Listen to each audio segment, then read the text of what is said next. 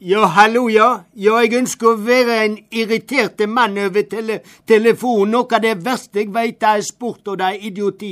Og når du får det i kombinasjon, ja, da er det til å dauge av. Jeg vil si at sportsidioter, det er en trussel mot samfunnet. Så jeg bruker si de er så tomflaske, de tar mye plass, men har lite å by på.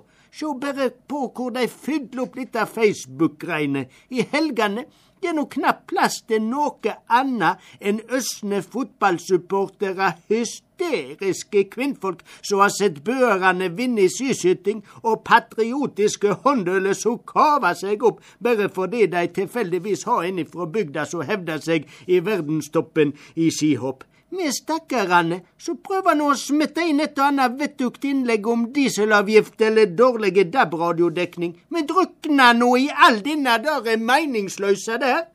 Mens naboen veit du sitter 50 meter bort forbi og fjerter og eter potetgull og hoverer på Facebook over at Manchester, Chelsea eller Everton City eller hva fakert det nå det heter, at de har vunnet igjen? Og sopa inn kanskje 50-60-70 likes på dette forbanna tudlet der, ja, så er det kanskje bare ei gammel tante eller hun svigermor som spanderer en liten like på mitt innlegg om disse der helsikes elbilene som skal nå være forfordelte om alt mulig. Er vi virkelig komne der at det ikke skal mer til for å ha noe å glede seg over? Da jeg vokste opp, så måtte det være et oljefunn i Nordsjøen, eller en krig som tok slutt, for at vi virkelig skulle nå juble.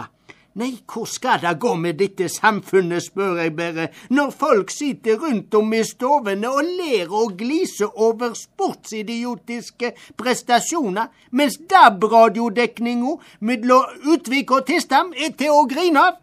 Nei, jeg nekter i alle fall å la meg rive med.